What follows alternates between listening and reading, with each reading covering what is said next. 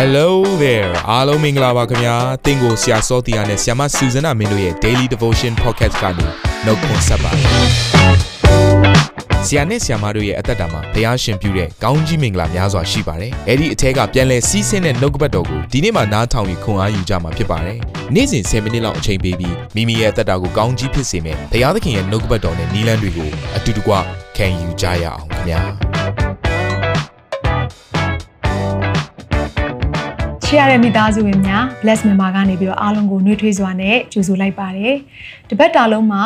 ဘုရားသခင်ရဲ့နှုတ်ကပတ်တော်တွေကိုခံယူပြီးတော့အသက်တာထဲမှာတိဆောက်ခြင်းပြုပြင်ခြင်းစိုက်ပျိုးခြင်းတွေရရှိနေပြီဖြစ်တယ်ဆိုတာယုံကြည်ပါတယ်။တာ၍တိုးတက်တဲ့အသက်တာကြီးထွားတဲ့အသက်တာကိုရောက်ရှိနိုင်ဖို့ရန်အတွက်ဒီတပတ်မှာမိသားစုဝင်တွေအားလုံးအတွက်ပြင်ဆင်ထားတဲ့နှုတ်ကပတ်တော်ကတော့အားနေခြင်းတွေမှာအစွမ်းခွန်အားဆိုတဲ့နှုတ်ကပတ်တော်ပဲဖြစ်ပါတယ်။ဒီလောကမှာကျွန်တော်တို့အသက်ရှင်တဲ့အခါမှာ အစွမ်းတက်တီတွေအမျိုးမျိုးကိုမြင်ဘူးကြပါလိမ့်မယ်ဆိုတော့ဒီလောကရဲ့ပညာတွေအစွမ်းတက်တီတွေခွန်အားတွေအားလုံးကနှုတ်ကပတ်တော်ထဲမှာတော့ဘယ်လိုပြောထားလဲဆိုရင်ပြေပြောက်တက်တဲ့အရာတွေဖြစ်တယ်လို့ပြောပြထားပါတယ်ဒီလိုပြောလိုက်လို့ဒီလောကရဲ့ပညာကိုမသိရဘူးလို့ဆိုလိုတာမဟုတ်ပါဘူးသင်ယူရပါမယ်သို့တော်လည်းတစ်ဖက်မှာဘုရားသခင်ကမပြေမပြောက်နိုင်တဲ့ထာဝရကာလတည်တဲ့ပညာအစွမ်းတက်တီခွန်အားကိုကျမတို့ကိုပေးခြင်းတယ်ဒါကြောင့်မလို့ဒီနေ့နှုတ်ကပတ်တော်ဟာ ထိုဘုရားသခင်ထံမှစီးစင်းလာမဲ့အစွမ်းတတိခွန်အားတွေကိုရရှိနိုင်မဲ့အရေးကြီးတဲ့နှုတ်ကပတ်တော်ဖြစ်ပါတယ်။အဲ့တော့ပထမနေ့အနေနဲ့နှုတ်ကပတ်တော်ရဲ့ခေါင်းစဉ်လေးကိုပေးထားတဲ့အရာကတော့အထက်မှလာသောခွန်အား။အဲ့ဒီတော့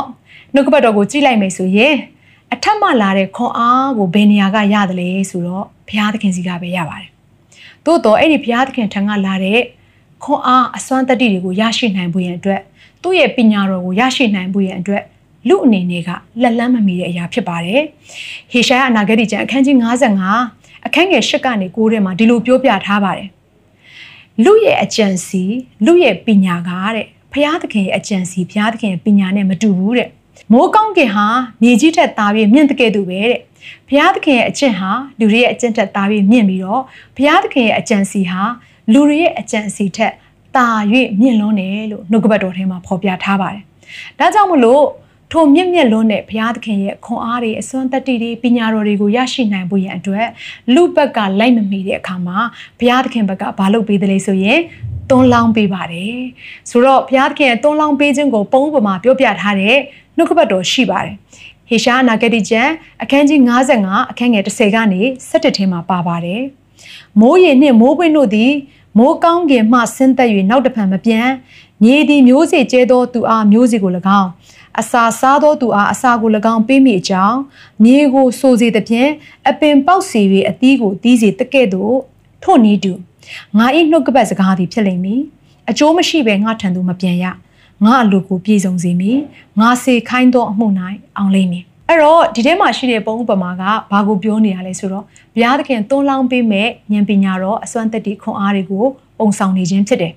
အဲ့တော့သူပြောထားတဲ့အရာကမိုးရေကကောင်းကင်ဘော်ကနေပြီးတော့မြေကြီးဘော်ကိုဆင့်သက်တဲ့အခါမှာအပင်တွေကရှင်သန်ရတယ်ကြီးထွားရတယ်အသီးသီးနိုင်တယ်လို့ပဲကျမတို့ရဲ့အသက်တာထဲမှာလည်းဘုရားသခင်ထံမှလာတဲ့အစွမ်းသက်တည်တွေခွန်အားတွေဉာဏ်ပညာတွေကိုရပြီဆိုရင်တော့ကျမတို့ဟာအားနေသောသူတွေအစဉ်မြဲဖြစ်နေမှာမဟုတ်တော့ဘဲနဲ့အားကြီးတဲ့သူတွေ အစွမ်းသက်တည်ရှိတဲ့သူတွေသူတို့ဘာကိုပြန်လဲပြီးတော့အသေးအနှံတွေပေးနိုင်တဲ့အသက်တာတွေဖြစ်လာကြမှာပါဒါကြောင့်မလို့ဒီနေ့ဘုရားသခင်က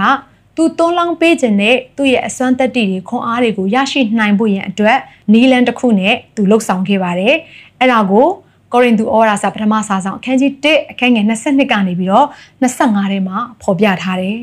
။ယူဒလူတို့သည်နမိတ်လက္ခဏာကို တောင်းတကြ၏။ဟေလသလူတို့သည်ပညာကိုရှာတတ်ကြ၏။ ငါမူကားလဝါကတိုင်မှာအသေးခံတော်မူသောခရစ်တော်၏အကြောင်းအရာကိုဟောပြောကြ၏။ထိုအကြောင်းအရာဒီကယူဒအမျိုးသားထိမိလဲเสียအကြောင်းဖြစ်၏တပားအမျိုးသား၌ကမိုက်မေခြင်းဖြစ်၏သို့တော်လည်းယူဒလူဖြစ်စေဟေလတလူဖြစ်စေခေါ်တော်မူသောသူတို့၌ဘုရားသခင်၏တကူတော်နှင့်ဘုရားသခင်၏ပညာတော်ဒီဟုသောခရစ်တော်၏တရားဖြစ်၏ဒီနှုတ်ကပတ်တော်ထဲမှာဗာပြောထားလဲဆိုရင်ယူဒလူတွေဟာနမိတ်လက္ခဏာကိုတောင်းတယ်တဲ့ဟေလတလူတွေကပညာကိုရှာတယ်တဲ့ ဆိုတော့ဒီအရာကဘုရားသခင်ရဲ့နမိတ်လက္ခဏာနဲ့ဆိုင်တဲ့အရာတွေမဟုတ်ဘဲနဲ့ဘုရားသခင်ရဲ့ပညာနဲ့ဆိုင်တဲ့အရာတွေမဟုတ်ဘဲနဲ့ဒီလောကနဲ့ဆိုင်တဲ့ဘ ဖက်လန်းနီးတွေဒီလောကနဲ့ဆိုင်တဲ့ပညာတွေကိုရရှိပြီးတော့အသက်တာထဲမှာအလင်းအမြန်ကြီးထွားတိုးပွားเนาะကျမတို့ကြွယ်ဝချမ်းသာ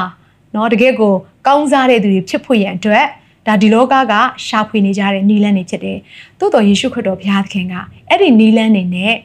ကျမတို့ကိုသူ့ရဲ့ပညာကိုမပေးဘဲနဲ့သူ့ရဲ့ခွန်အားတွေကိုအဲ့ဒီနီလန်းတွေနဲ့မပေးဘဲနဲ့သူပေးခဲ့တဲ့နီလန်းကတော့ကားတိုင်တော်တရားတွေကနေပြီးတော့သူ့ရဲ့ပညာတရားသူ့ရဲ့ခွန်အားသူ့ရဲ့အစွမ်းသက်တွေကိုပေးခဲ့ပါတယ်ဆိုတော့ယေရှုခရစ်တော်လှုပ်ဆောင်ပေးခဲ့တဲ့အရာကိုဒီလောကသားတွေကအမြင်တဲ့အခါမှာသူတို့သတ်မှတ်တဲ့အရာကမိုက်ယူရဲ့ဆန်ခြင်းတနည်းအားဖြင့်အားနေခြင်းဆိုတဲ့အရာကိုသူတို့တွေကနော်သမုတ်ကြတယ်ခေါ်ဝေါ်ကြတယ်ဖယားတစ်ပါးအနေနဲ့ လဝါကတိုင်ပေါ်မှာအသေးခံခြင်းအသက်ဆွန့်ခြင်းအသွေးသွန်းလောင်းခြင်းဆိုတဲ့အရာကလောကလူသားတွေအနေနဲ့စဉ်းစားလို့မရနိုင်တဲ့အရာတစ်ခုဖြစ်တယ်လောကလူသားတွေထင်ထားတဲ့အရာကတော့ဖျားဖြစ်တယ်ဆိုလို့ရှိရင်နန်းတော်မှာကြွာလာရမယ်ဖျားဖြစ်တယ်ဆိုရင်လူတွေအားလုံးရဲ့အထက်မှာနေရမယ်ဖျားဖြစ်တယ်ဆိုလို့ရှိရင်လူသားကဲ့သို့နာကျင်စရာညှင်းဆဲခံစရာမလိုဘူးဆိုတဲ့အရာလောက်ပဲဒီလောကသားတွေကတွေးထင်တတ်ကြပါတယ်သို့တော့ဘုရားသခင်ကသူ့ရဲ့ပညာတော်ကို ကားတိုင်တော်တရားအပြင်ထုတ်ဖော်ခဲ့တယ်ကားတိုင်တော်တရားဆိုတဲ့အရာကယွန်ရှာစရာကောင်းတဲ့နေရာဖြစ်ပါတယ်နှိမ်ကြတဲ့အရက်ဖြစ်တယ်အပြစ်သားတွေကိုစီရင်တဲ့အရက်ဖြစ်တယ်တကယ်ကိုညဉ့်ညူးတဲ့သူတွေကိုဆုံးမတဲ့အရက်ဖြစ်ပါတယ်သို့တော့ယေရှုခရစ်တော်ဘုရားသခင်အားဖြင့်ခမည်းတော်ဘုရားသခင်ဟာသူ့ရဲ့ပညာတော်ကိုထိုကားတိုင်တော်ပေါ်မှာထင်ရှားစေခဲ့တယ်။အနှိမ်ကြဆုံးဖြစ်တဲ့နေရာ တကယ်ကိုညှဉ်းညူးတဲ့နေရာယွန်ရှာစရာကောင်းတဲ့နေရာကနေပြီးတော့တလောကလုံးရဲ့အပြစ်တွေကိုကယ်ချွတ်ပြီးတော့လူသားတွေအားနေခြင်းနေရာမှာအားကြီးခြင်းဖြစ်လာဖို့ရန်အတွက်ဘုရားသခင်ဟာထိုအရက်ထိုနေရာကိုအသုံးပြုခဲ့ပါတယ်လူသားတွေရဲ့မျက်စိနဲ့မမြင်ဘူးမကြားဘူးမကြံစီဘူးတဲ့အရာကိုဘုရားသခင်ကထိုအရက်ထဲကနေထုတ်ဖော်ခဲ့ပါတယ်။ဒါကြောင့်မလို့ချစ်ရတဲ့မိသားစုဝင်များတည့်ရဲ့တက်တာထဲမှာ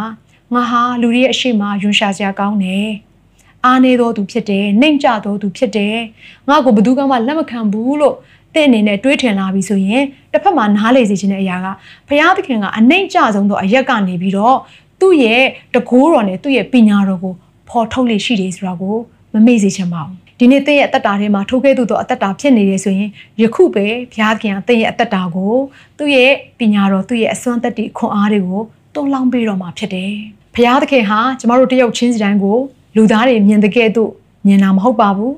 လူသားတွေခိုင်းနှိုင်းတဲ့တန်ဖိုးနဲ့ကျမတို့ကိုတန်ဖိုးဖြတ်တဲ့ဘုရားမဟုတ်ဘူးဒါကြောင့်မလို့တဲ့ရဲ့အခြေအနေဘယ်လိုပဲရှိနေပါစေဘုရားသခင်ဟာတဲ့ရဲ့အသက်တာထဲမှာတွန်းလောင်းပေးခြင်းတဲ့အရာတွေရှိတယ်တင်ဘက်ကလုပ်ရမယ့်အရာကခံယူဖို့ပဲဘာကိုခံယူရမလဲဆိုတော့ထိုဘုရားသခင်ထံကလာတဲ့တကူတော်နဲ့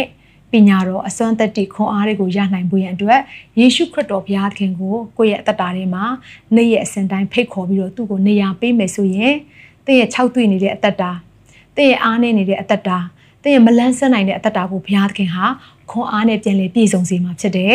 အာမင်ဒါကြောင့်မလို့အထက်မှလာတဲ့ခွန်အားကိုရရှိနိုင်ဖို့ရန်အတွက်ဒီနေ့ပဲထိုယေရှုခရစ်တော်ဘုရားထံကိုတိုးဝင်ပါ ကိုရောကိုရောကိုကျွန်တော်လိုအပ်ပါတယ်ကျွန်တော်ရဲ့အသက်တာထဲမှာကိုရောထမလာတဲ့အစွမ်းတက်တည်တွေခွန်အားတွေနဲ့ပြည့်စုံချင်ပါတယ်ကိုရောထမလာတဲ့ဉာဏ်ပညာတော်နဲ့ကျွန်တော်ကျမကိုလွှမ်းခြုံပေးပါတွန်းလောင်းပေးပါဆိုရင်ဘုရားသခင်ဟာ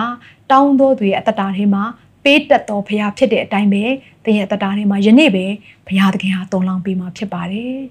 ဒါကြောင့်မလို့အထက်မှလာတဲ့ခွန်အားကိုရနိုင်ဖို့ရန်အတွက်ဒီနေ့နှုတ်ကပတ်တော်လေးကိုဆင်ခြင်ဖို့ရန်အတွက်ကျွန်မအားပေးလိုတယ် ကြက်မဲ့ရမယ့်နှုတ်ကပတ်တော်ကတော့ကောရိန္သုဩရာစာပထမစာဆောင်အခန်းကြီး1အခန်းငယ်25ဖြစ်ပါတယ်ဘုရားသခင်ဤမိုက်မဲခြင်းသည်လူတို့ဤပညာထက်တာပြီးပညာရှိ၏ဘုရားသခင်ဤအားနေခြင်းသည်လူတို့ဤအစွမ်းထက်တာ၍အစွမ်းရှိ၏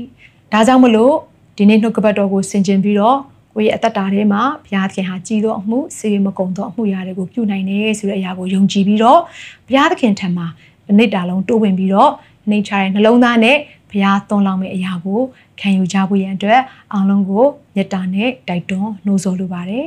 အဲ့တော့ကျွန်မအခုချိန်မှာချစ်ရတဲ့မိသားစုဝင်တွေအားလုံးအတွက်ဆုတောင်းပေးပါမယ်ဒီနှုတ်ကပတ်တော်ဟာကျွန်တော်ကျမအတွက်ဖြစ်တယ်ကျွန်တော်ကျမရဲ့အသက်တာထဲမှာဘုရားထံမှလာတဲ့အစွမ်းတတ္တိတွေခွန်အားတွေကိုလိုတယ်ဆိုရင်ရှိတဲ့အရက်မှာပဲကိုရောဘုရားကိုရောကိုကျွန်တော်ကျမလိုအပ်ပါတယ်ဆိုပြီးတော့ဝန်ခံလိုက်ဖို့ပဲဖြစ်ပါတယ်အဲ့တော့အတူတကွဆုတောင်းကြရအောင်ဖ ဘုရားသခင်ဤချိန်တိုင်းအတွက်ကိုရောကိုယေရှုတင်တဲ့နှုတ်ကပတ်တော်ကိုခံယူနားထောင်နေကြတဲ့သားသမီးတယောက်ချင်းစီတိုင်းအတွက်လည်းကိုရဲ့ယေရှုတော်ကိုချီးမွမ်းပါတယ်ဒီနေ့အသက်တာတွေထဲမှာအားနေတဲ့သူတွေတကယ်ကိုမရေရာတဲ့သူတွေရှိပါကဘုရားသခင်ဒီနေ့နှုတ်ကပတ်တော်အားဖြင့်သူတို့ရဲ့အသက်တာထဲမှာကြီးစွာသောကိုရဲ့ကောင်းကြီးမင်္ဂလာခွန်အားအစွမ်းတတ္တိကိုယခုပင်တွန်းလောင်းတော်မူပါကိုရဲ့ရှေ့မှာနှိမ်ချခြင်းနဲ့သူတို့အသက်တာကိုစက္ကန့်အနှံပြီးတော့ကိုရောတွန်းလောင်းတဲ့အရာကိုခံယူတဲ့သူတယောက်ချင်းဆိုင်ရဲ့အသက်တာထဲမှာသူတို့ကြံစည်မမိနိုင်သောအထက်မှလာသောကိုရဲ့စုံလင်ခြင်းရှိသမျှနဲ့ကိုရောဖြည့်ဖို့ရန်အတွက်သမီးဆုတောင်းပါတယ်နှုတ်ကပတ်တော်ကိုခံယူပြီးတဲ့နောက်ပိုင်းမှာလည်းဝိညာဉ်တော်ဘုရားသူတို့အသက်တာထဲမှာ အမြဲတမ်းနှိုးဆော်ပေးပါသူတို့ဒီနှုတ်ကပတ်တော်ကိုမေ့လျော်သောသူမဖြစ်ဘဲနဲ့နှုတ်ကပတ်တော်အထဲမှာတာ၍ကြည်ထွားသောသူများဖြစ်စေဖို့ရန်အတွက်ကောင်းချီးပေးလျက်အသက်တာအသီးသီးကိုစက္ကန့်အနံတဲ့အခါမှာမနေ့ရက်နေ့နောင်ကာလမပြောင်းမလဲသားသမီးတို့ကိုအစင်မြတ်ချစ်တော်မူသောသခင်ခရစ်တော်ဘုရားသခင်မြတ်သောနာမတော်ကိုအမိပြု၍အသက်တာအသီးသီးနဲ့အချိန်တိုင်းကိုကိုရောဖျားရည်လေဝေတွေကိုပြန်လေဆုတောင်းစက္ကန့်အနံကြပါတဲ့အဖမြတ်စွာဘုရားသခင်အာမင်